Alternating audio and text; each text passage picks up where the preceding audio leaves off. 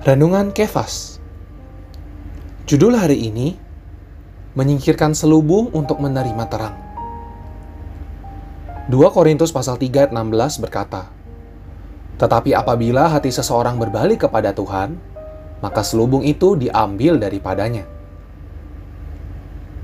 Sebenarnya hati yang berpaling dari Tuhan adalah selubung Sedangkan memalingkan hati kepada Tuhan adalah menyingkapkan selubung itu semua selubung ada karena hati kita tidak berpusat kepada Tuhan.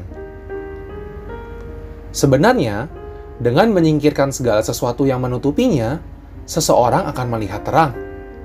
Tetapi ayat di atas menunjukkan bahwa ketika hati seseorang berpaling dari Tuhan, selubung itu menutupi mereka.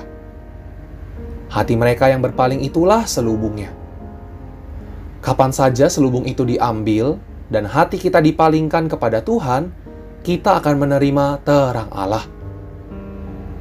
Karena itu, alasan manusia tidak menerima terang Allah bukan karena Allah tidak bersinar, melainkan karena ada satu selubung yang menutupi hati manusia. Jika seseorang bisa membereskan masalah selubung ini, maka ia akan melihat terang. Sobat Kefas, kita harus berhati-hati. Segala sesuatu dalam alam semesta ini bisa menjadi satu penutup bagi kita.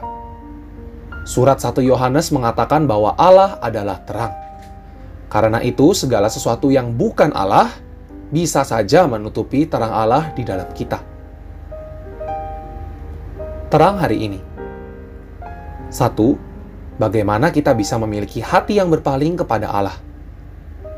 Dua, apakah hatimu memiliki selubung? Bagaimana kamu membereskannya?